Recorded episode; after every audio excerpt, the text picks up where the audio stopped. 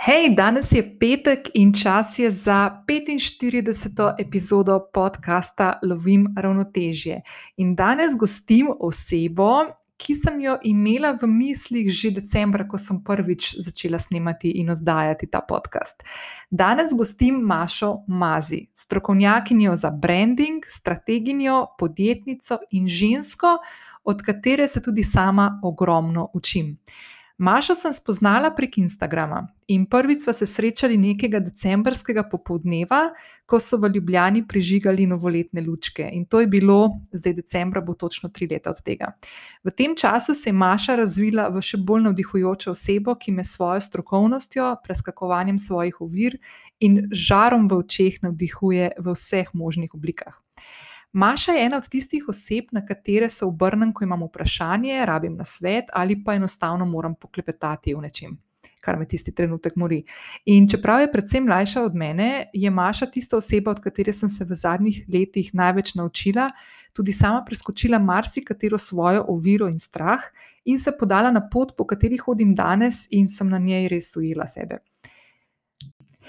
V današnji epizodi se pogovarjava o tem, kdaj podjetnik potrebuje branding strategijo, kdaj potrebuje logotip. Tukaj boš blazno presenečena, ko boš slišala Mašino mnenje. Kako se Maša loteva sodelovanja z naročniki, s kom sodeluje in s kakšnim podjetjem ne, kdaj se zahvali in zavrne sodelovanje. Govoriva tudi o mentalnem zdravju, soočanju z depresijo, izgorelostjo, porazi in anksioznostjo, ki jo spremlja že kar nekaj let pa v čisto sveži spletni trgovini, ki jo odpira prav na dan, ko ta pogovor pošiljam v tvojo podcast knjižnico. V njej te čaka že en kup enih krasnih vsebin, če si podjetnica, kreativka ali pa ženska, ki išče navdihe na osebni poti, ti priporočam, da čim hitreje skočiš k maši. Povezavo pa najdeš v zapisu te epizode, ki te čaka na moji spletni strani. Preden skočimo v današnjo epizodo, te vabim, da, če še nisi, se prijaviš na podcast Lovim ravnotežje. To lahko storiš zdaj prek aplikacije, na kateri ga trenutno poslušaš. Vedno sem vesela tudi ocen in mnen, ki mi jih lahko pustiš na podcast aplikaciji ali pa se mi oglasiš na zasebno sporočilo. Najraje to vidim, da je na Instagramu, kjer se ti lahko najhitreje odzovem. S prijavo oddajo ocene in mnenja na aplikaciji, pri kateri poslušaš ta podcast, pomagaš, da za ta podcast slišijo tudi tebi podobne ženske. In kot rečeno, te tudi tokrat v opisu te epizode čaka povezava do zapisa, v katerega sem ujela vse informacije, o katerih smo danes govorili z Mašo in vse uh, kanale, pri katerih lahko Mašo spremljaš tudi naprej. Pa skočiva v današnji klepet.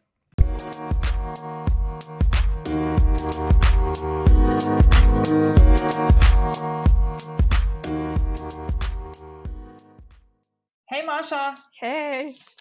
O, evo, končno je prišel dan, ko lahko tebe pozdravim v podcast epizodi. Uh, ti moram povedati, da že odkar sem začela snemati podcast, to bo zdaj decembra eno leto, uh, pa poleti sem začela s pogovori, sem te imela skozi v mislih in sem full vesela, da je ta dan prišel.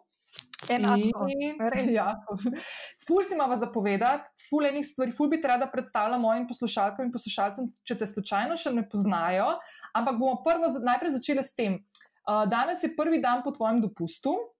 Da mi sam povej, kaj se ti v zadnjih dneh, sploh, ko si bila na dopustu, pa si se sprostila, kaj takega lepega zgodilo, da si ful hvaležna, uh, da si to doživela. Ful lepo vprašanje. In dejansko imam en moment, ki je mogoče ful tak klišejski, pa mogoče se ne pričakuje, da ga bom rekla, ampak bil je en tak trenutek, prvi dan, ko sem bila na Gorenskem na dopustu s partnerjem in sem se zbudila zjutraj, pojedla zajtrk, se šla nazaj v leš in sem zaspala. In ko sem se zbudila, sem se skoraj zjokala od sreče, vem, to se sliši noro, ampak res sem se skoraj zjokala. Zato, ker dejansko trenutki, ko se jaz res ustavim in se zavem, da sem v tistem momentu prisotna in živa, to je pri meni tako bolj redkost kot pač vsak dan. In um, ker sem vse to usrkala v sebe in se zavedla, wow, kako je zunaj lepo, kako sem se spočila, kako je moje telo zadihalo, oh, ne rabim hiteti, ne rabim nekaj skozi delati. Veš, kakšno olajšanje je to meni bilo, mislim, res, na robu joka sem bila in to je definitivno trenutek, ki ga imam še zdaj v glavi, ki že moram delati, ne, ampak se vedno vračam k temu spominu.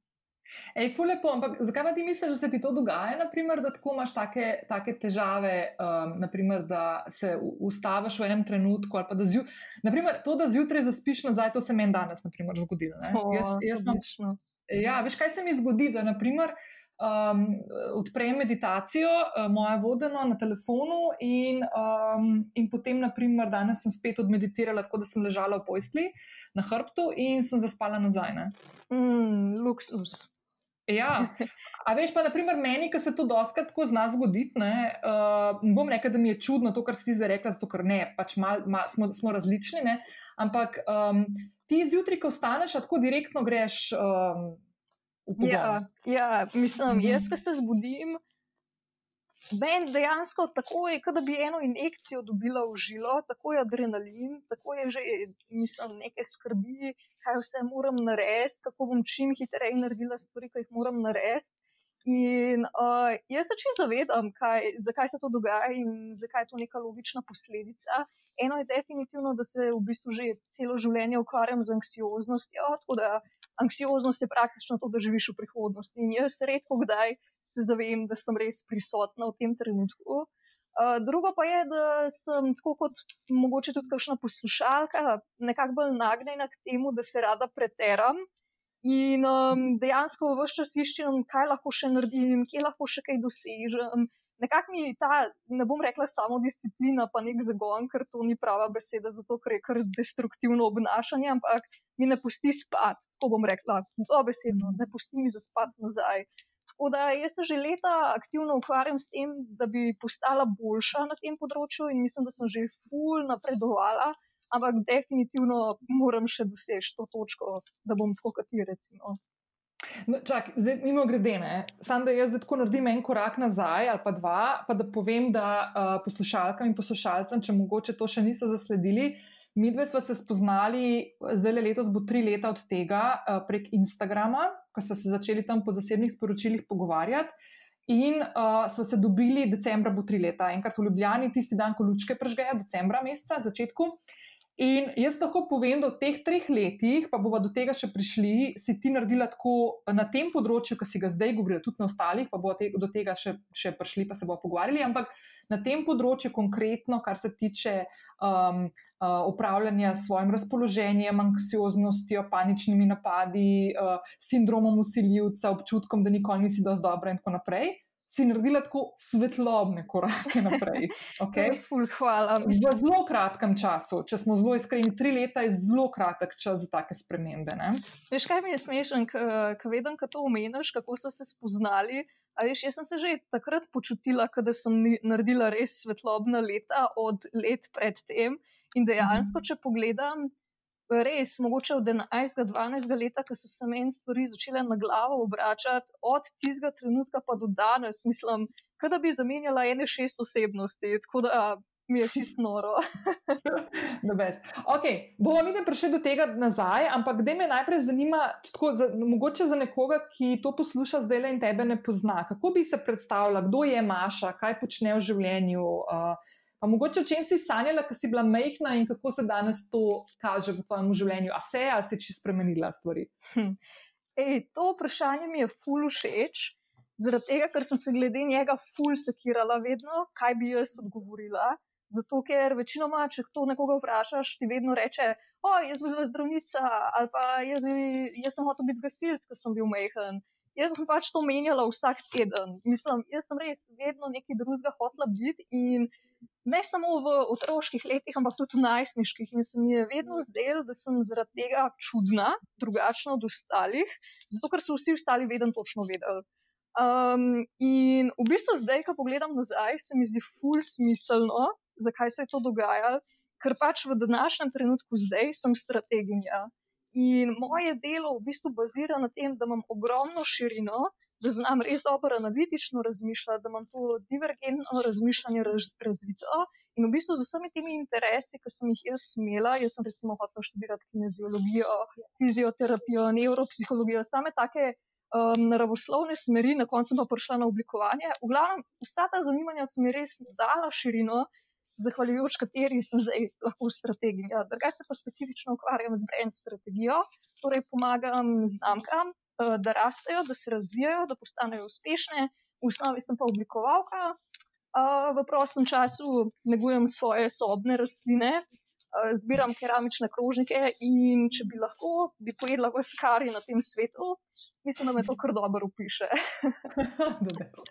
okay, ampak zdaj tako, uh, jaz se že celo svojo, uh, svojo, uh, svoje to uh, poslovno življenje ali pa neko to delovno pot, ki jo imam zadnjih 16 let, skozi srečujem z oblikovalci. Tudi, in tebi sem že to povedala, ker mi da se res velikrat uh, slišva in dobiva in uh, v bistvu zelo cenim tiste. Uh, dve uri na teden, ko se dobivava in uh, gradiva ena drugo in se spodbujava in tako naprej. Tudi do tega še prideva. Hvala.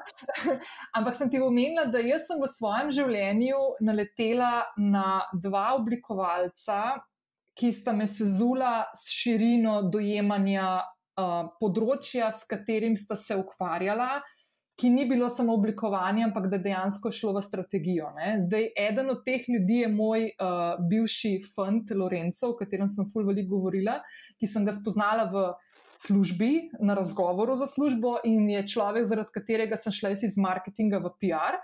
Uh, bom polinkala v šovnovce ta zapis. Uh, in drugi človek si ti. In v bistvu je s tabo. Ker sem bistveno bolj upletena, oziroma se tebi, s tabo pogovarjam o teh stvarih, uh, mi je noro, neverjetno, koliko si tudi ti v bistvu meni pomagala na področjih, za katere sem bila prepričana, da jih um, poznam, ne? zato ker pač 16 let že delam eno stvar in valjda vem, kaj počnem. Ampak dejansko si mi toliko enih stvari odprla skozi najne tedenske pogovore in srečanja, da, da mi je to čisto noro, kaj počneš. In zdaj, da je mogoče tako. Za nekoga, ki je, naprimer, začetnik, ne, podjetnik, uh -huh. pa ima malo podjetje, pa ima nek brand, pa to, kaj točno ti počneš, kaj točno ti ponujaš, v kateri fazi nekdo, ki raz, želi razvijati svojo blagovno znamko, uh, ne samo vizualno, ampak celovito, kdaj je čas, da tebe kontaktira? Uh, ja, jaz bi rekla, da je čas takoj, mislim, čim prej. Uh, to se sliši kot nekaj, kar bi vsak rekel, kako hoče prodati svoje storitve. Vem. Um, ampak dejansko, ne glede na to, da sem jaz recimo oblikovalka, jaz sem ena od unih čudakov, ki ti bojo rekli, da ne rabiš logotipa, da ne rabiš uh -huh. zdaj le investirati par tisoč evrov za to, da imaš spletno stran. Niti slučajno. Najprej moraš imeti ti v bistvu razvito osnovo, razvito moraš imeti jedro in jaz v bistvu pri tem pomagam. Kaj to zdaj pomeni? To pomeni, v bistvu, v čisti osnovi, tista najpomembnejša zadeva, da razumeš svoje ciljne skupine, ker okoli njih ti potem gradiš svoj brand ti okoli njih gradiš to, kaj bojo oni slišali, kaj boš ti jim ponudil, kakšna bo tvoja storitev, kako boš produkte pozicioniral. Šele potem ti gledaš konkurenco, šele potem ti dejansko tiste sporočila tudi definiraš. In na koncu, čisto, čisto zadnja zadeva je, da na vse skupaj obesiš logotipa. Tudi jaz v bistvu pomagam podjetnikom, ki začenjajo z razvojem svoje blagovne znamke, da v bistvu sploh primejo tisto prvo zadevo, da sploh vejo, kaj zagrabati, pa da vejo, kako se navigirati skozi um, ta ogromen sistem načrtovanja znamke, lansiranja znamke in vseh teh zadev, da potem dejansko, ko pridejo na trg, vejo, kaj delajo, da vejo, kaj komunicirajo in da čim prej začnejo rasti. Mhm. No, to lahko jaz iz prve roke povem, da mi dve, ko smo, uh, mislim, da januarja meseca sedeli in sem šla jaz čez ta prvi del tvojega um, dela z novim naročnikom. Sem doživela tri, tri stvari. En, en mind blow je bil ta, da sem imela vedno full problem s tem, da nimam logotipa, pa smo to rešili tako, da smo, bom domač povedala, en, da sem kupila pač en fond, ki mi je full všeč in ga zdaj posod uporabljam. Tako da to je ena stvar. Druga stvar, da sem mi full pomagala, čeprav sem že približno vedela. Kdo je moja ciljna skupina, kdo so tiste ženske, pretežno ženske, ki me spremljajo in po kakšnih vsebinah posegajo pri meni, oziroma si želijo od mene. So te stvari tako dobro definirali, ne, da sem jaz mhm. vsem tistem, pardon, izrazu klastrofakov od vsebin, ki jih imam v sebi in ki jih želim predati ven, ne, ugotovila, kje so tiste ključne točke, da lahko odgovorim na določeno vprašanje moje ciljne skupine. In zaradi tega sem za vsako od teh ciljnih skupin, oziroma žensk, ki so predstavnice moje ciljne skupine, pripravila vsebine, ki so se potem pojavile v moji spletni trgovini, ki mimo grede, mi jo je Maša pomagala, poleg moje spletne strani postaviti. Ne? Tako da, da, si predstav, da si predstavljate, da mi dva res, res enormno veliko časa skupaj preživimo. No, pač po mojem se sploh ne zavedajo ljudje, koliko to pomeni. Vse je prepleten, se mi zdi. ja, ne, ok, zdaj pa tako, zdaj, veš kaj me zdaj zanima. Ti, zdaj, toliko enih stvari, ki bi se mi dve lahko pogovarjali, fu imam zelo težavo ti vprašanja postavljati, če sem zelo iskrena, ker je toliko enih stvari, ki bi jih rada povedala.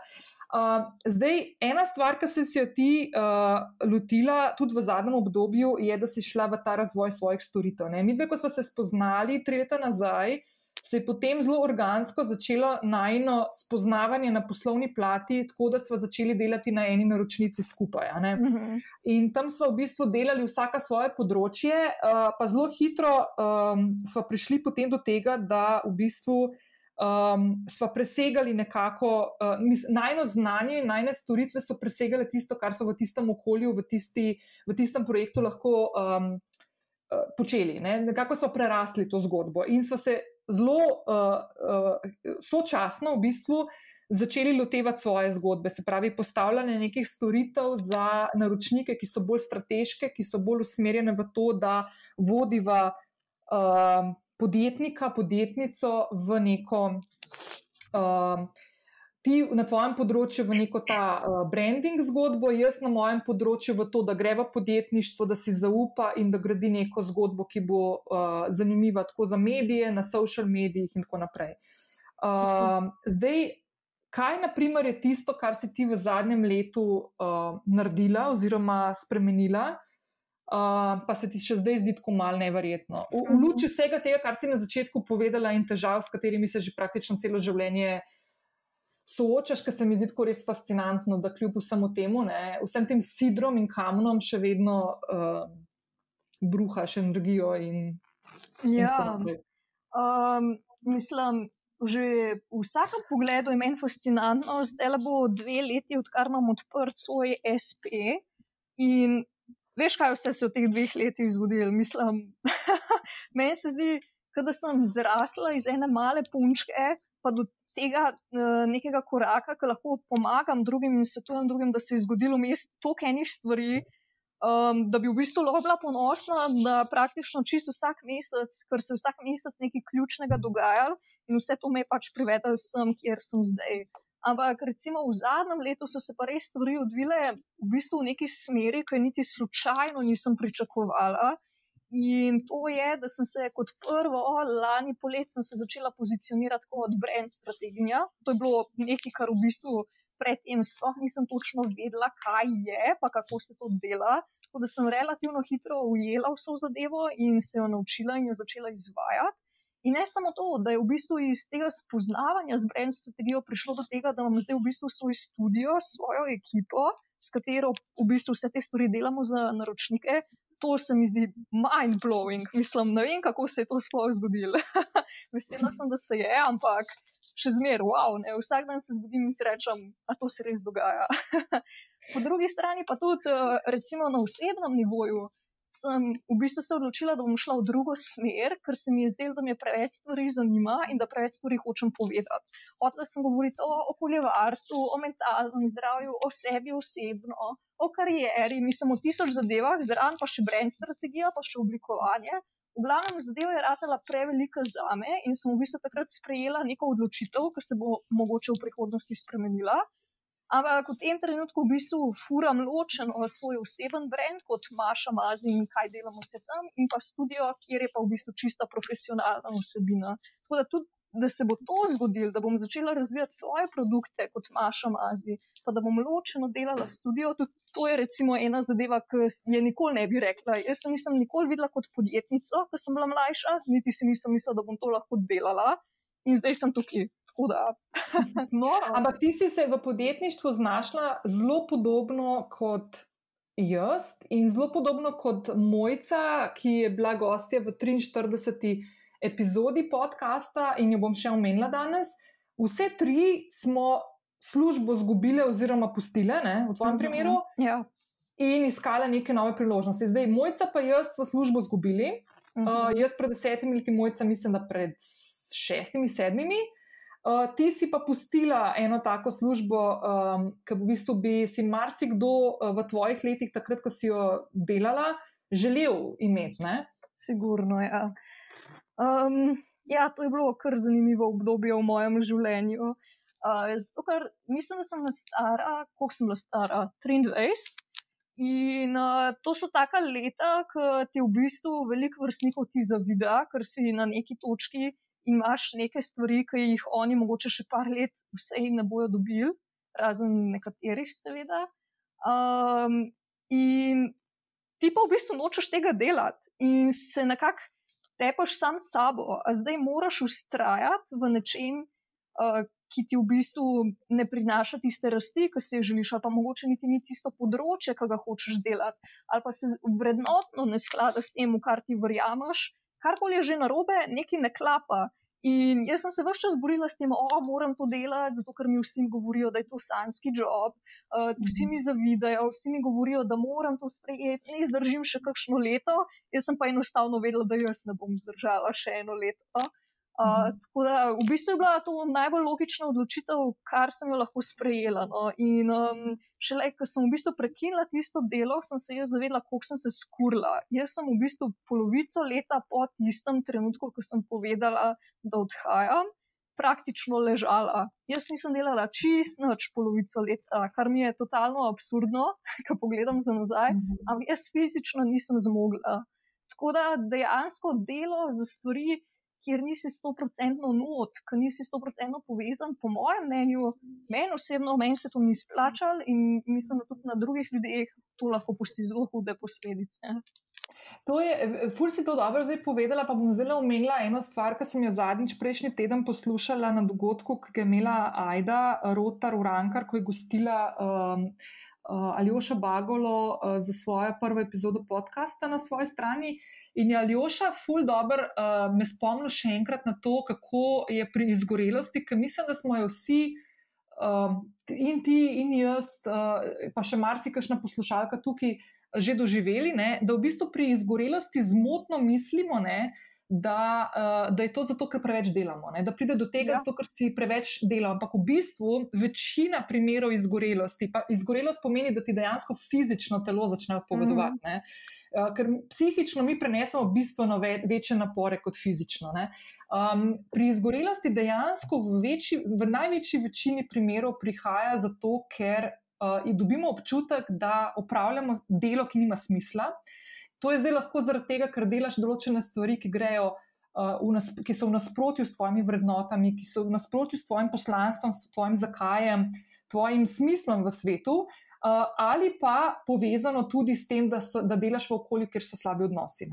Um, dejansko tukaj res pri izgorelosti je ful, ful zmotno prepričanje, da uh, je to zato, ker smo uh, zgarani fizično in psihično. Sigurno. To je vrh ledene gore. Ja, ja. ful zanimivo. Dej, veš kaj, mogoče čistko za nazaj, za kakšno poslušalko, poslušalca, ki zdaj le posluša. Pa razmišlja o tem, da bi potreboval, naprimer, uh, brand ali pa neko definicijo, strategijo, uh -huh. in mhm. tako naprej. Da mi sam opiši, kaj, kaj je brand strategija, pa kaj ne. Oziroma, tako bom rekla. Jaz bom v šovnovcih uh, polinkala vse mašine kanale, uh, tudi njen studio Atlas Authentica, tam ona, ful, sicer v angliškem jeziku, uh, ampak objavlja ogromno enih vsebin, ki so povezane tudi s temi informacijami, zdaj, o katerih se bomo zdaj pogovarjali. Tako da te ful svetujem, da če te to zanima, skočiš še tja. Ampak da mi razloži, kaj je brand strategija, pa kaj ni brand strategija. To je v bistvu. Taka triki zadeva, zato ker vsega, ko vprašaš, kaj misli, da to je, ti bo povedal drugo zadevo. In mm -hmm. ne samo to, tudi ko pride naročnik do mene, pa mi reče: Hej, Maša, jaz si ful želim brand strategijo moram jaz naprej kopati ene pol ure, da zvem, kaj v bistvu to sploh pomeni. Čeprav to delam. Zato, mhm. ker včasih človek dejansko recimo, išče ime za brand, enkrat išče slogan, nekdo išče dejanski poslovni model, ki ga še nima razvidega, en hoče marketinško strategijo, nekoga zanima, kako naj lansira zadeve, en zna sporočil spisati, en rab spletno stran, pa je to del strategije. V glavnem, tisoč in ena zadeva je lahko tukaj not vključena. In jaz vedno rada rečem, da v bistvu brand strategija je dejansko to, je v bistvu karkoli ti potrebuješ. in se vrti okoli brenda in mora biti strateško zastavljeno. Zdaj, v čisti osnovi, ko recimo jaz začnem delati s strankami, ne glede na to, kakšna je širina tega, kar potrebujejo, na začetku naredimo nekako takole. Najprej definiramo v bistvu, kaj točno oni so, kaj je njihov zakaj, kakšna je neka njihova misija, vizija, kakšne so njihove vrednote, zato da res lahko razumemo, kaj bomo v prihodnosti komunicirali. Pol se pa začne tisti res, res najbolj pomemben del in to so ciljne skupine. Zakaj to toliko poudarjam? Zato, ker veliko znamk pride in začne prodajati zadeve, pa v bistvu sploh ne razume točno, kaj njegovi kupci potrebujejo, pa kaj so njihove bolečine, pa kako jim v bistvu efektivno komunicirati to, da bojo oni sploh slišali, kaj mi govorimo. Ti lahko delaš, koliko hočeš marketinga, vlagaš po tisoče evrov v oglaševanje, ampak če tvoje sporočilo ne rezonira s ciljno skupino, kaj si pol naredil, samo denar si izgubil. Tako da jaz v bistvu pomagam ljudem preveriti, ali oni nagovarjajo pravilne ljudi, ali imajo sploh idejo, komu, komu komunicirajo in ali dejansko ta težava, ki jo podjetje rešuje. Je težava, s katero se ciljna skupina sooča. Velikrat se tudi to zgodi. Razvijaš nek produkt, pa rečeš, o, jaz sem siguren, da to potrebuje cel svet, v resnici pa to mogoče ni nujen pripomoček, ki bi ga res hotel imeti, ali pa nima dovolj stvari, ali pa ni dobro pozicioniran, ali pa pobrendiran v smislu sporočil, vizual, česar koli. Tako da v bistvu na ta način celovito zastavimo, kako bomo mi najbolj efektivno uh, naše produkte in storitve potem kasneje. Prodajali svojim celim skupinam in kako se bomo z njimi povezovali, ne samo da bomo prodajali.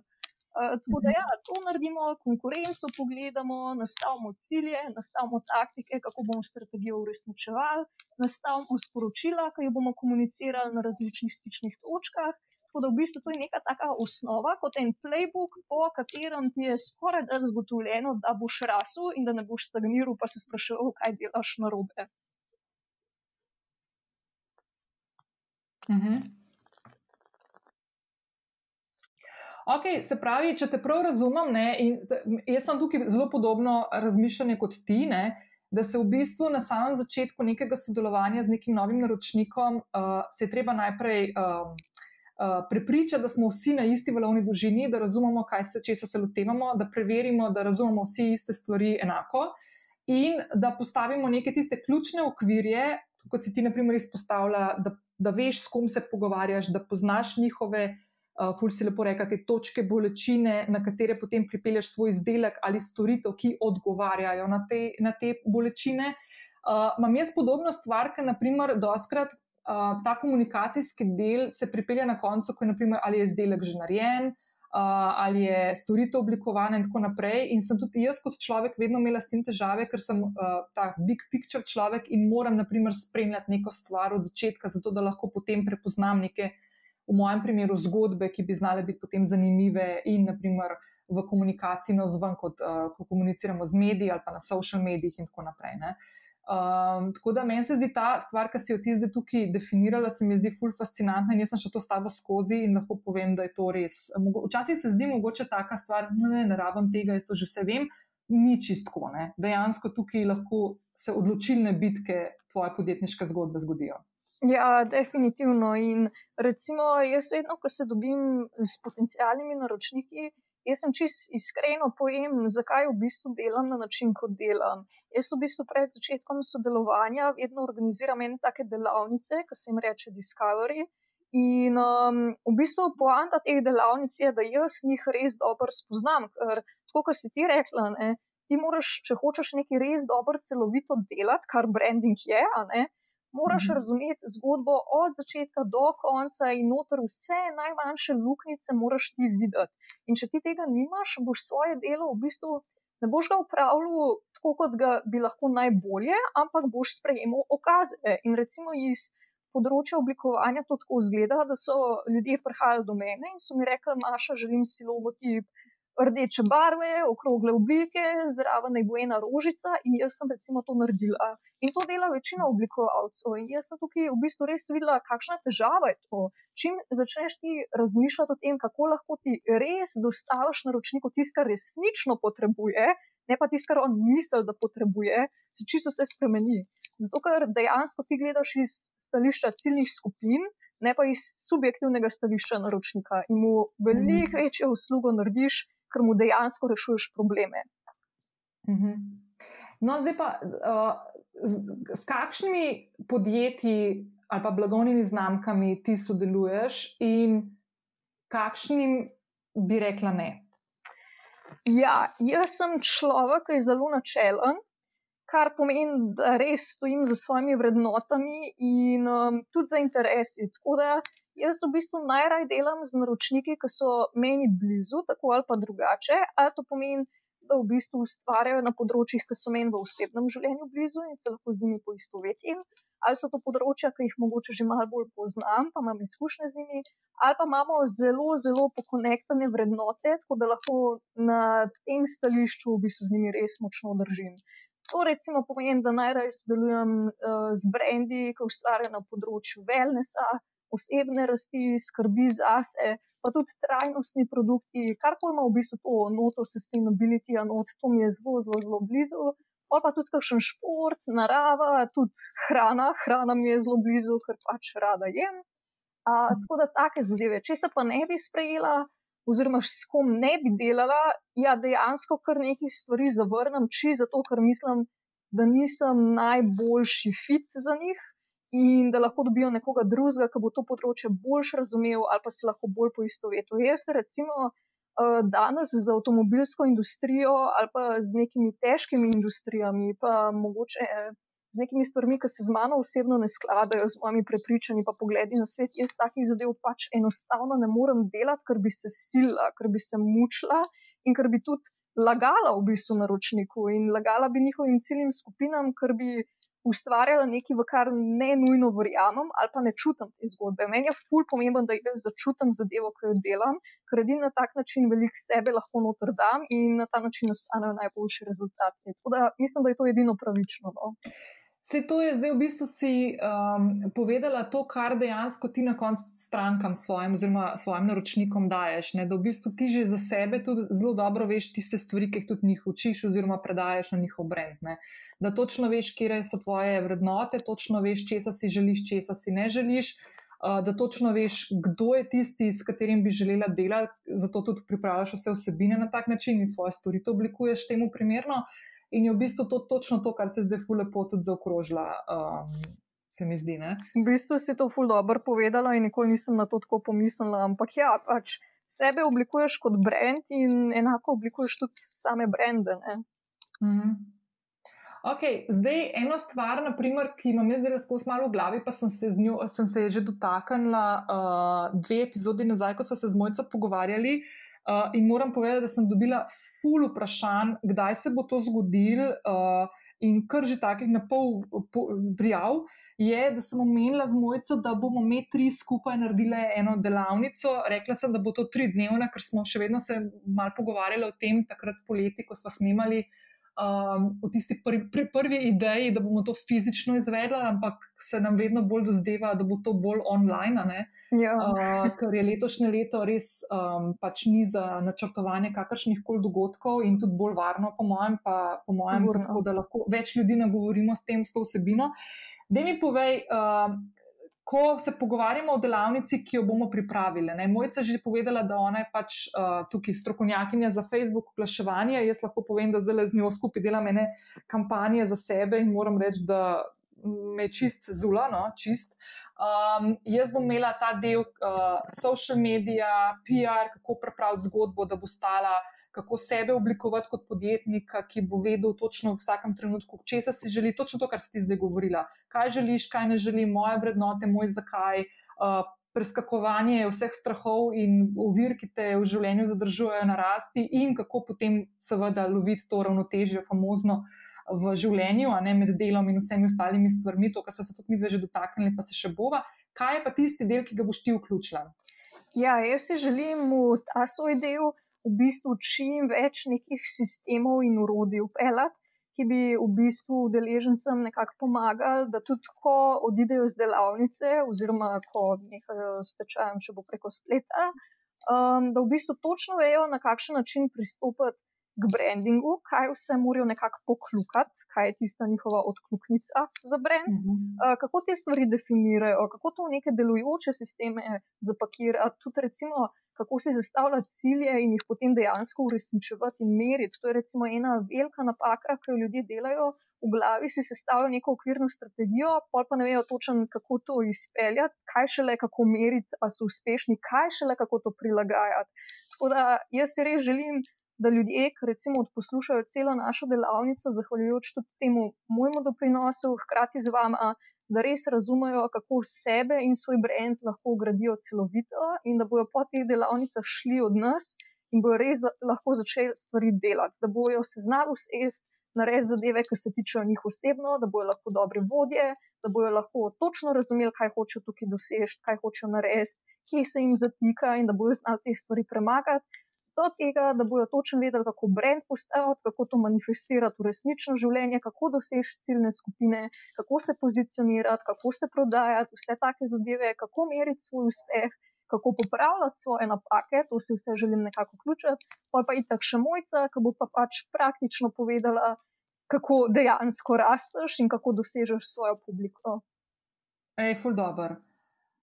Ej, ful dobr. Uh, no, v glavnem bomo mi, uh, če spremljaš, uh, draga poslušalka, poslušalec, mene, Mašo, Mojco ali pa vse tri, bomo te stvari tudi objavili v kratkem, uh, kdaj bo to pripravljeno. Tako da jaz se tega ful veselim, ker se dejansko tam enega februarja o tem pogovarjamo in nam je svet malo prekrižil na črte letos, ampak ok. Um, ok, uh, veš kaj, zdaj boš šli še malo naprej in sicer malo v tvoje druge ljubezni v življenju. Ne? Zdaj si omenila mhm. si že rastline. Oh, ja. Uh, ja. Pa omenila si tudi že malo ta trajnostni vidik življenja, ko si govorila med drugim tudi o tem, um, s kom bi želela delati, pa s kom ne želiš delati. In si fulano že malo nakazala na to. Na to. Zdaj mi pa malo povej, um, zakaj rastline, pa zakaj uh, se ti zdi tako pomembno, da vključuješ v svoje življenje, tudi v delo, uh, trajnostni vidik mhm. življenja.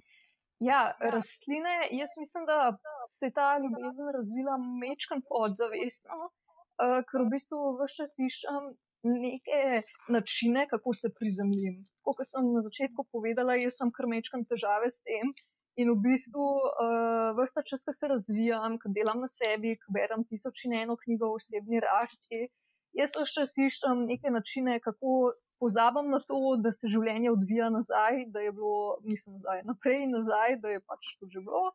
In um, da pač res ostanem tam, kjer sem, in da pogledam okoli sebe in sem prisotna. In to mi rastline, rastline dejansko nudijo. Uh, tako da, če bi vprašala ti zdaj mojo mamo, pač odkje to izvira, ti ne bo rekla, da to izvira že iz otroštva, pa da sem z njo štihala, pa ne vem kaj delala, ker niti slučajno ta ljubezen je tako, ne vem, pol leta, tri četrt leta stara. Um, ampak dejansko, če sem obsedena z njimi, ne znam razložiti nekaj posebnega v tem, ko opazuješ neko zadevo, kako se počasi razvija, kako v bistvu ti njej pomagaš da raste v svojo najboljšo obliko. In vsak dan zjutraj si vzamem pol ure in naredim obhod okoli vseh svojih rožk, mislim, da jih je zdaj le 61, nisem čisto sigurna. Um, ja, no, ampak to ni veliko, lahko bi jih imela še 61, pomot. Tako da um, to naredim in mi fulno pomirja, no? nekako nadomešča mojo prakso meditacije, ki sem jo mečkam zapostavila v zadnjem času. Uh, tako da to mi je super fino. Kar se pa tiče trajnostnega vidika življenja, pa tudi podobno, sicer to zdaj traja že kar nekaj let, v bistvu se je začel iz ljubezni do živali in specifično iz ljubezni do ork, ker sem gledala en film uh, o orkah in sem se jokala. Tako da pa ne unga Willija, ne vem kako je že. Blackfish se mi zdi, full dober dokumentarc. Um, tako da v bistvu takrat sem začela razmišljati, oh, kaj mi ljudje delamo v morju. Jaz sem pa ful navezana na morje, jaz sem rakalc, jaz pač živim za vodo, jaz rabim neko fluidnost okoli sebe, da se pomirim in um, sem ful navezana. Tako da takrat sem začela v bistvu glede morskih stvari razmišljati, pol so se vse vne slamce prikazale, pol sem ratala ful jezna na vse, ki pijo slamcami, v glavnem ta moja pot uh, pri okoljevarstvu se je že 60krat uvila okoli in odvila nazaj. Um, tako da ja, postopoma, zdaj se pa pač trudim sočutna sama do sebe, živeti čim bolj z vidikom oziroma z ozirom na trajnostno življenje, da imam nekako low impact mentaliteto, vedno prisedno, vedno ko kupujem, vedno ko se odločam, kaj želim dodati v svoje življenje, da še kaj ekstra rabim, vedno razmišljam, a je to odgovorna odločitev, a res to potrebujem, iz kakšnih materijalov je narejen, koga podpiram, ali je tukaj tudi um, nek fair odnos v zadju, ali trpi kakšen človek, ali trpi okolje, ali trpi žival. Vedno v bistvu nekako o tem razmišljam in to je zdaj že tako integrirano v moje razmišljanje, da pride samo od sebe, tako da niti ni uno, o, čakaj, čakaj, maša, ne rabo še enih kopalk, ampak sama od sebe začnem te stvari razmišljati. Tako da v bistvu tudi v zadnjih letih praktično skoraj nič več ne kupam, kar se tiče oblačil. Ej, ful, dobro. Zdaj si v bistvu povedala, da s svojimi rastlinami loviš ta uh, trenutek, ki si na začetku rekla, da živiš preveč v prihodnosti zaradi svoje anksioznosti in teh stvari. Definitivno. Definitivno. Okay. Ful, dobro. Dej mi povej, zdaj še tako, kot ste to že omenjali, mentalno zdravje. Ne? Kaj je tisto, kar naprimer, um, si v življenju ponosna, da si dala že česa ne? in kaj si se iz tega naučila in kako konc koncev te stvari danes vsakodnevno na tebe vplivajo. Sej mi dve smo se o tem že veliko pogovarjali, ampak mm -hmm. um, kaj so tiste stvari, ki naprimer vidiš, da, da jih imaš nekako v sebi in na njih delaš, pa kje so tiste stvari, ki si jih uspešno uh, preskočila oziroma uh, z njimi upravljaš, no, da jim tako rečem. Mm -hmm. Ja, to je lahko zelo dolga zgodba, bom probala strniti. Um, jaz sem bila v bistvu že kot otrok, pač nekako to umen, malo bolj hipersenzibilnosti nagnjena, res občutljivček, full hardcore empat, res življenja drugih so bila moja življenja. Um, knjig nisem mogla normalno brati, ker sem skozi okala zraven. V glavnem, jaz sem res intenzivno čutila življenje, že ko sem bila mehna. In um, se mi je že takrat mečken zdel, da izstopam zaradi tega, ampak na negativen način. Ne? Ker enostavno nisem našla sogovornikov, ker bi lahko te stvari izlila. In um, to je nekako vodilo v depresijo, ki se mi je vlekla v bistvu praktično od 12. leta pa do 19.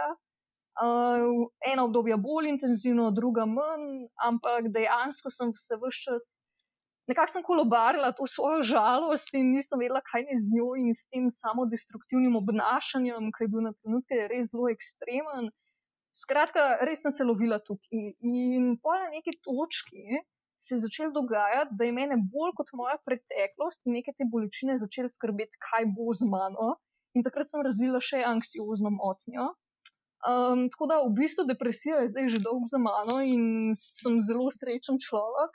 Uh, še zmeraj me nekako spremlja tisto, kako se zdaj ravnati s svojo hipersenzibilnostjo, kako ravnati z empatijo, kdaj je preveč, kdaj moraš meje postaviti. Te stvari so za me ful pomembne, ker če tega nimam postavljenega, se jaz zrušam. Jaz recimo tudi serij ne morem binge-watchati, ker se preveč navežem na like in pole konc. Jaz sem en teden čez konc, če kdo umre, recimo v seriji.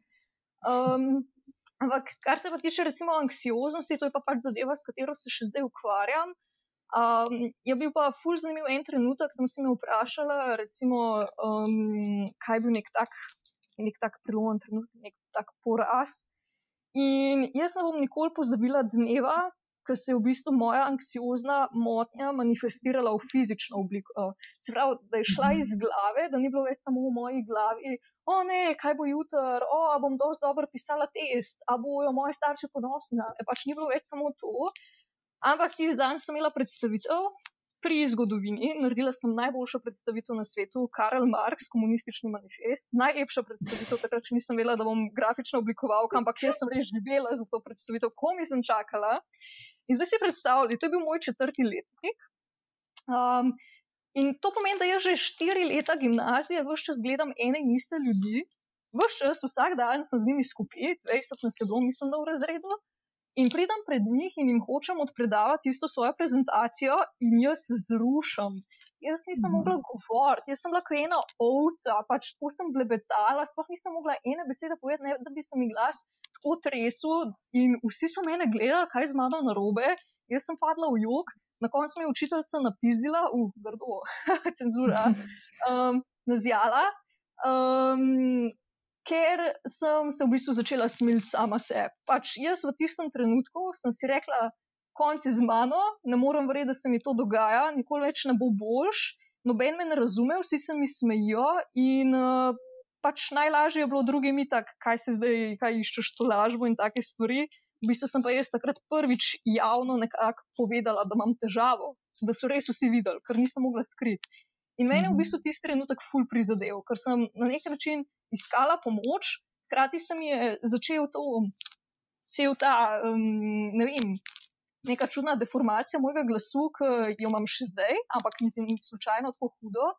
In uh, tisti dogodek je res name pustil zelo hude posledice, no, cel tisti odziv, vse to, kar se je dogajalo. Mhm. Jaz nisem razumela, zakaj se je to zgodilo, še zdaj ne razumem. Ne?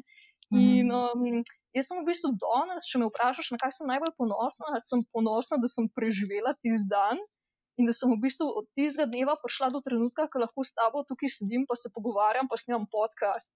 Jaz tega včasih ni šans, da bi lahko naredila. Jaz še zdaj včasih, ko naročam zadeve v lokalu ali pa v restauraciji, imam težave s tem. Ne?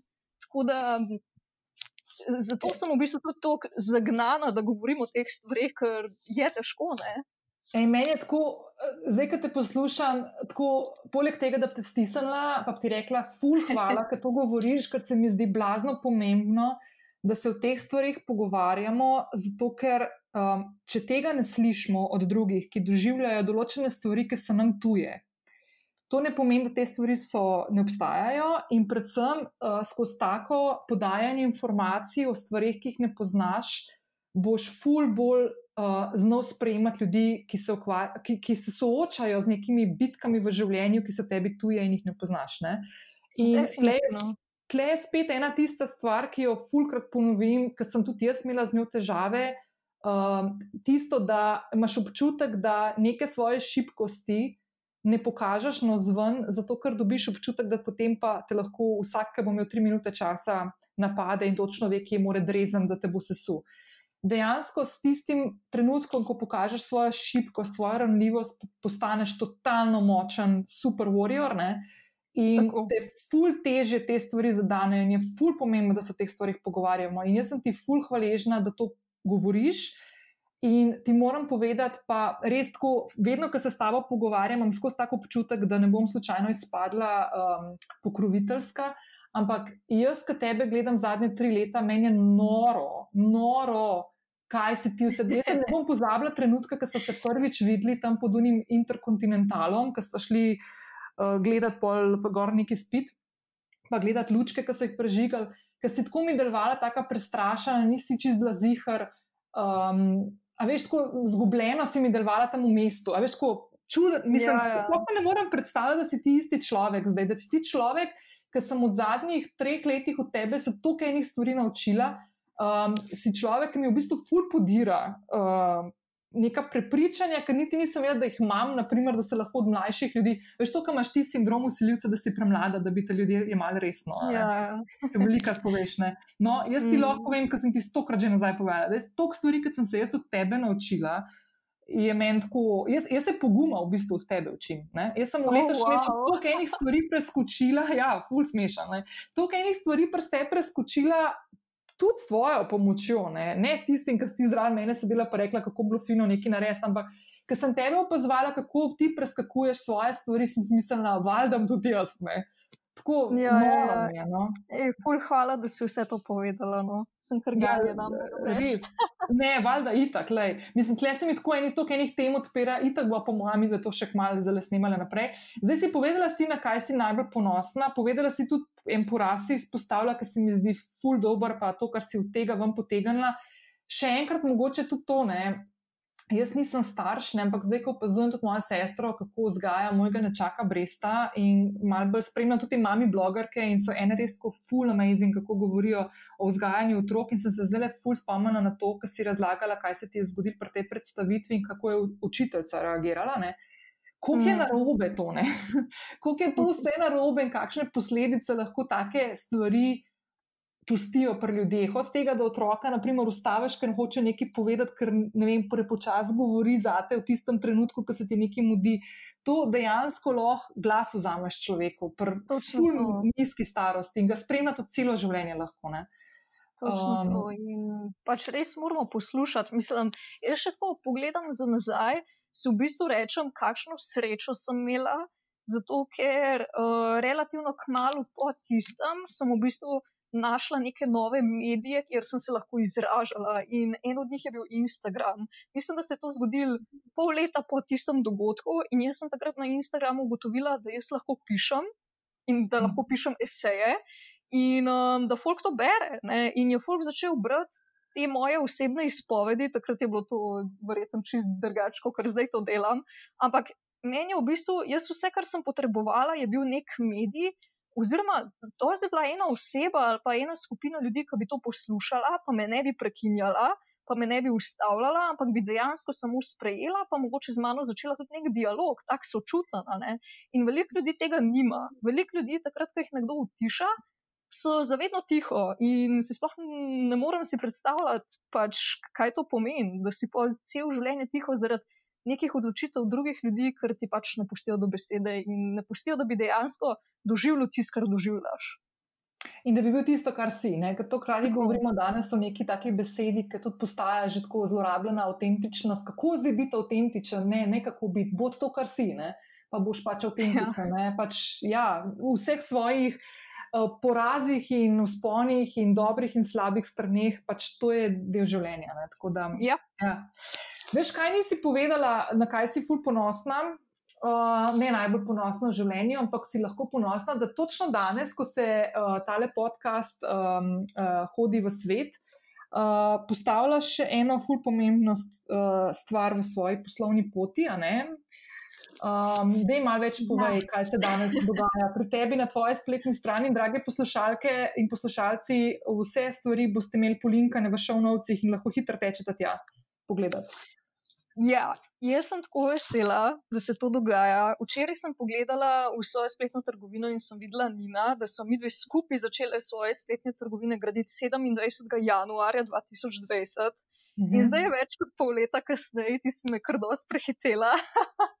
Ampak um, jaz sem pol vesela, da je danes, ko vi to poslušate, končno dan, ko tudi jaz objavljam svojo spletno trgovino.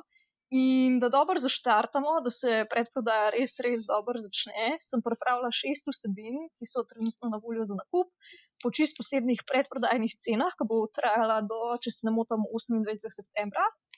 Uh, in sicer so e-knjige, nekatere so interaktivne, nekatere so pač čisto besedilo z določenimi urodji.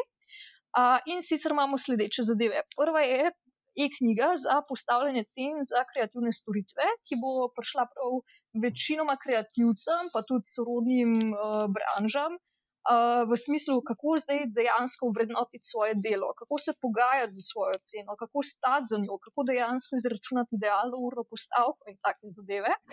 Druga stop, stvar, stop. Ja? da povem, to je ena od stvari, ki se jaz od tebe učim. Evo, tako plastično in to je knjiga, ki jo bom jaz kupila, ki jo čakam zdaj že kar nekaj mesecev, tako da končno. Ampak ja, stvari. Okay, Ej, moram reči, če si iskreno, jaz se zelo redko tako samo hvalim, ampak ta knjiga je moj dragulček in če bi jo jaz lahko imela, par let nazaj bi ubijala za njo. Tako da res, ful sem vesela, da jo bojo lahko ljudje dobili, tisti, ki jo dejansko potrebujejo. Ok, druga zadeva je e-knjiga, interaktivna in sicer uh, se ukvarja s poimenovanjem podjetij, znamk in produktov in v bistvu služi kot en vodič, eh, ki ti pomaga najti ime za znamko, za podjetje, za produkt. To vem, da je ful ogromna težava, veliko, veliko podjetnikov in vedno je to neka tista omejitev, ki nam preprečuje, da bi šli naprej in da bi dejansko lansirali neko stvar, ker se zapletamo v to, o, je to ime boljše ali je uno ime boljše. Ta je knjiga ti dejansko pri tem pomaga, da izbereš svoje najboljše opcije, da tudi preveriš vse stvari, ki jih moraš preveriti, na kakšen način to narediš, tako da si potem lahko varen, samozavesten in lahko začneš delati stvari, ki so dejansko ful bolj pomembne. Naslednja zadeva, ki bo šla ven, je vodič za rast blagovnih znamk in ta vodič je precej obširen. In v bistvu pokriva vse od osnov, kaj branding je, do tega, kako vsako stično točko, ki jo ti v okviru brenda načrtuješ, kako jo postavljaš, to pomeni spletne strani, to pomeni vizualne zadeve, to pomeni družabna omrežja, v bistvu čisto vsako stvar, ki se brenda dotika, obdelamo. In jaz ti nekako probam pomagati, da skozi ta vodič tudi razumeš, kateri korak je pravilen za te in kako postopoma te stvari narediš, kje orodja uporabljaš, da dosežeš čim hitrejšo rast svojega brenda. Tako da jaz mislim, da bo tole noro. Jaz tole e-knjigo tudi podarim vsem svojim naročnikom, ko zaključimo s strateškimi delavnicami, tako da dejansko imajo neko možnost, da nadaljujejo to, kar smo začeli, če recimo nimajo dovolj resursov, da bi skupaj nadaljevali te stvari, ampak si želijo strategijo sami načrtovati. Pol imamo pa še dve zadeve, ki so mečkan bolj, oziroma tri zadeve, ki so mečkan bolj orientirane na osebno rast. Ena je e-knjiga z naslovom Delo s sencami, to je interaktivna knjiga, ki se v bistvu dotika tega, kako ti razrešuješ svoje neke interne komplekse, kako razrešuješ neke strahove, ovire, v bistvu stvari, ki te v življenju vlečejo nazaj. Recimo, jaz sem imela pred enim tednom ali pa dvema že, ne vem več, ker sem imela dopust, pa to vse zamegli. Ampak imela sem eno izkušnjo, ki me je dejansko čez zrušila. Bila je banalna zadeva. Nekdo me je nehal followati na Instagramu. Čez banalno. Vem, bizarno. Mislim, da ste naredili dve leti nazaj, by the way. Ja, ja, ja. A, ja, točno. Ampak takrat sem vse odfollovala, tako da šeš, ok. Ja, okay. um, Noben mi ne more razumeti, ker sem celo blok o tem napisala, ampak pustimo zdaj to. V glavnem, jaz sem se obnašala kot največji otrok, mislim, to je bilo prav absurdno. Jaz sem samo sebe gledala in sem tako maša, kaj s tabo. Pač, to ni več tazga, ti tako noben ga ne followaš, koliko mora biti če le drug folk užaljen, če vsi tako razmišljajo. In um, sem v bistvu sistemom, ki je tudi v tej e-knjigi zdaj prisoten sem v bistvu predelala to zadevo, predelala sem, zakaj se tako počutim, zakaj tako reagiram, zakaj me to tako moti, vse do izvora, ki je pa si lahko nina predstavljaš, pač čist drge, kot pa to, da te nekdo odfollowa. Večinoma so to pa neke fore iz otroštva in te stvari, ampak pustimo zdaj. By the way, jaz tudi svoje, jaz tudi svoje ta zaumejitvena prepričanja um, delovni zvezek skozi dopolnjujem z novimi ja, ja, ja. Tako da, itak, valjda. Vedno lahko dodaš še kakšno zadevo tam, ampak v resnici je pa to res zabolelo, kar se določenega momenta spomniš. No, ja, uh, naslednja je knjiga, ki je na voljo po res simbolični ceni, je namenjena načrtovanju ciljev. Um, to je v bistvu nek hibrid uh, delovnega zvezka, ki sem ga podarjala letos za novo leto in je v bistvu prilagojen tako, da ga lahko v bistvu izpolnjuješ, kadar želiš, ne glede na to, ali je novo leto ali ni novo leto. In uh, v bistvu nekako sestavljam tako, da najprej narediš revizijo svojega preteklega življenja, preteklega obdobja, kako si želiš to izboljšati, kako to izboljšaš in v bistvu cel sistem, kako se tega potem držiš. In še zadnja zadeva je pa e-knjiga, ki je deloma podjetniška, deloma za osebno rast, je pa podjetništvo za introvertirane. Če še ni postalo očitno, jaz sem kar orang uh, hermit, kaj to lepa beseda, pač res skrivala bi se skosa. Tako da um, mislim, da imam res ful izkušen, ker sem jih vse uspela nekako slače zdaj v ta dokument, ki bo lahko res pomagal ljudem ki se lahko poistovetijo s tem, da mogoče si ne upaš network, da ne upaš na dogodke, hodiš, da ne upaš dvigati roke, pa vprašati stvari, da ne upaš pisati nekomu, pa ga vprašati za sodelovanje, da ti je že recimo z naročniki, ko se z njimi dobiš, težko komunicirati, da ti je težko samozavestno predstaviti svoje ideje, svoje rešitve, svojo ponudbo. Tako da, če se tukaj najdeš, bo ta e-knjiga popolna zate. Pa ja, v prihodnosti pa načrtujemo še tečaje. Prvo bo MailerLite tečaj za e-mail marketing, drugi bo WordPress tečaj za hitro postavitev spletne strani in še eden bo, ki bo pa namenjen kreativcem, kako v bistvu postaviti svoj freelance biznis. Hudo, full lover. Full lover. Yes. Ok, mic drop, ne. Um, super, res se veselim in uh, šibam na spletno stran. Um, uh, ok, da mi na koncu, zdaj smo prišli do konca, pa bom te vprašala najprej, um, kaj kaj počneš zjutraj, jutranja rutina, razen tega, da ne zaspiš nazaj, če, če nisi jih na dopustu. Uh, pa kaj je kakšna taka stvar, ki res vsak dan narediš, pa ti fu polepša dan? Ok.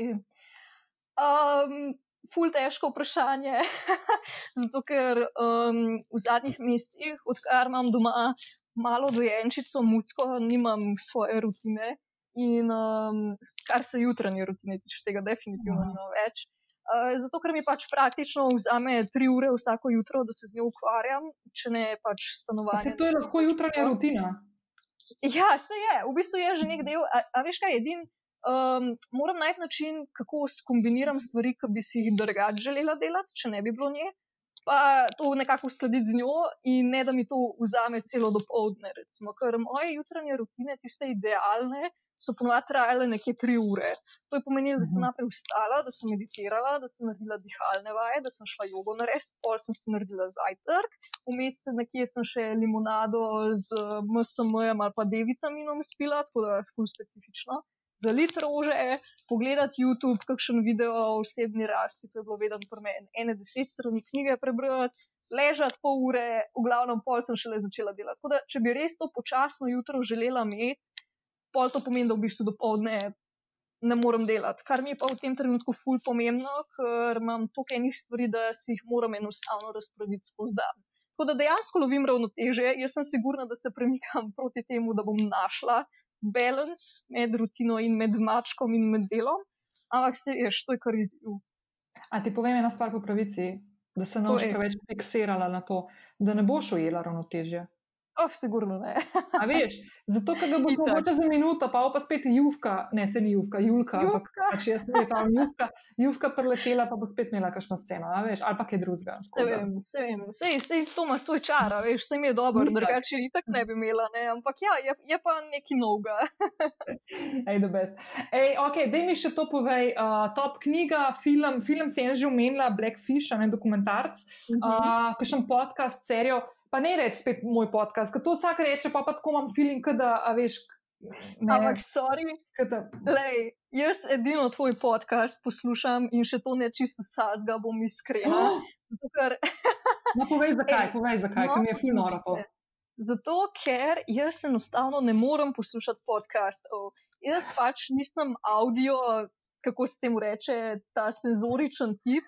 Jaz sem full vizualen tip in jaz, recimo, če hočem poslušati podcast, jaz rabim bult not v ekran in gledati, kako se ta dva človeka pogovarjata. Full bizarno, ampak jaz še nimam te točke fokusa, jaz pač ne slišim, o čem ljudje govorijo. Ali pa mora biti full hiter. Recimo, jaz svoje podcaste vedem, da tako na tist 1,5 kratnik spida, Da ker ga neki. odpravljam.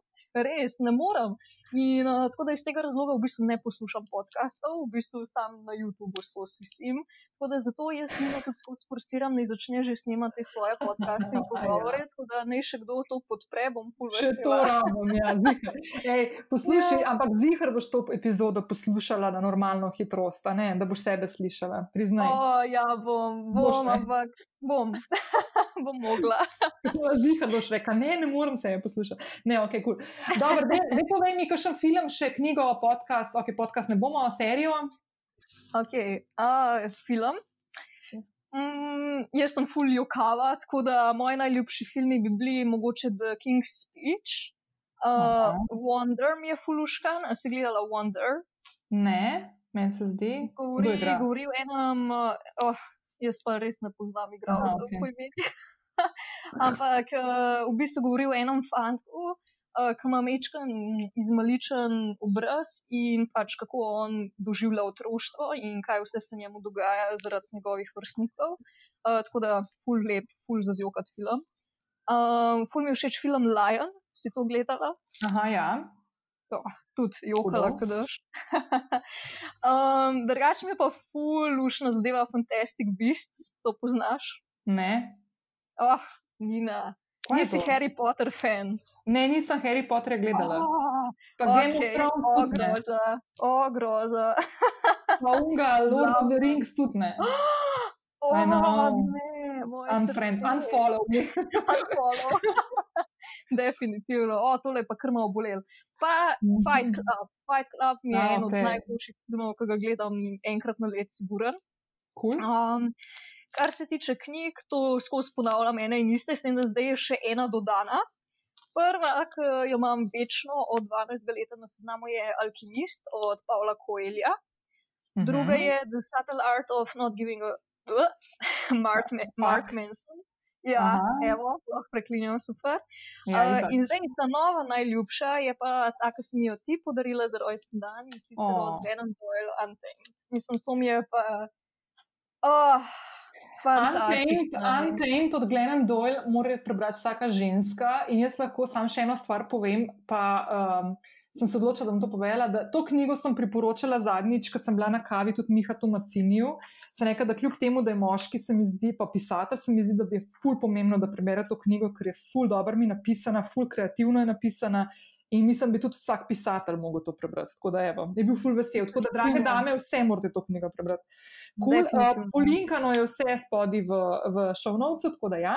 Ok, dej, um, kaj pa kakšno serijo, ali si to že rekla? Fantastic Beasts. Okay, uh, ne, nisem, to je film. A ja, film, to je okay, um, serije. Ja, zadnje čase gledam politične serije, ne glede na to, da nisem niti malo politično usmerjena, tako da zdaj le mhm. nisem usmerjena. Pač res ne spremljam teh zadev, ampak, kot sem rekla, jaz se ful čustveno navežem na like v serijah in uh, zato ful težko gledam serije. Um, tako da trenutno gledam Designated Survivor in to je tudi ena Aha. taka politična zadeva in rada jih gledam zato, ker se pač res ne morem poistovetiti. Čakaj, ti imaš Netflix, Maša? Ja, ja, imam. Ok, veš, kje moraš gledati Borgen? Ja, sem že pogledala, najboljše okay. na svetu, se strinjam. Ful dobro, okay. priporočam. Um, Drugač pa ja, tudi kakšne take. A si gledala The Man in High Castle? Ne. Oh, to pa ti okay. moraš pogledati, te bo prav všeč. Okay. Um, ta pa govori v bistvu, če bi se druga svetovna vojna končala kontra, kot se je, se pravi, Aha. da Nemčija zmaga, kakšen je potem svet. Ful zanimivo. Oh, Jezus, ok, super. No, pa imam še en. Apokaliptično, kot je zdaj. ja, jaz sem, jaz sem ful na te postapokaliptične in alternativne realnosti, to mi je ful noro. No. Ja. Okay. Um, a je še kakšna stvar, ki sem jo pozabila te vprašati, pa bi jo izpostavila? Mm, mislim, da sem me kar dobro zaslišala. Ok, pa pa kva rečemo, da se vidimo itak čez dva dni, pa uh, gremo naprej na ene plane, pa um, to je to, kaj. Yes. Naredimo plan, da bomo imeli neko rubriko, uh, da bomo se večkrat kole slišali. Ja, to bi bilo. Ker je čist preveč stvari. Ja, čist preveč stvari, ki tam še zaupamo. To bi bilo debatirali, se mi zdi. Ja, itak, ful dobr, ful dobr. Je ja, Maša, jaz ti ful zahvaljujem za tvoj čas. Uh, Pej si zdaj engine tonik vzet, ne? Hvala. Pa, hvala. Ja. Uh, pa se slišva vidva kmal. Ja, hvala tudi tebi, da si si vzela čas, da si me povabila, da si me take fine zadeve spraševala, fulfine istočnice. In hvala vsem, ki ste to poslušali. Upam, da se vidimo na kakšnih mojih kanalih, pa da še kakšno zadevo predebatiramo. Itak bom jaz mašal tudi, po, da boste najdeli tako v šovnovcih vse linke, skočite v njeno spletno trgovino. Upam, da ta vikend nimaš plano, da škom šla, zato ker po mojem mogla račune izdajati. Uh, tako, da, uh, tako da to je to. Uh, good speed ali god speed, pa uh, se vidva. yes, lepo bodi. Enako, čau. Čau.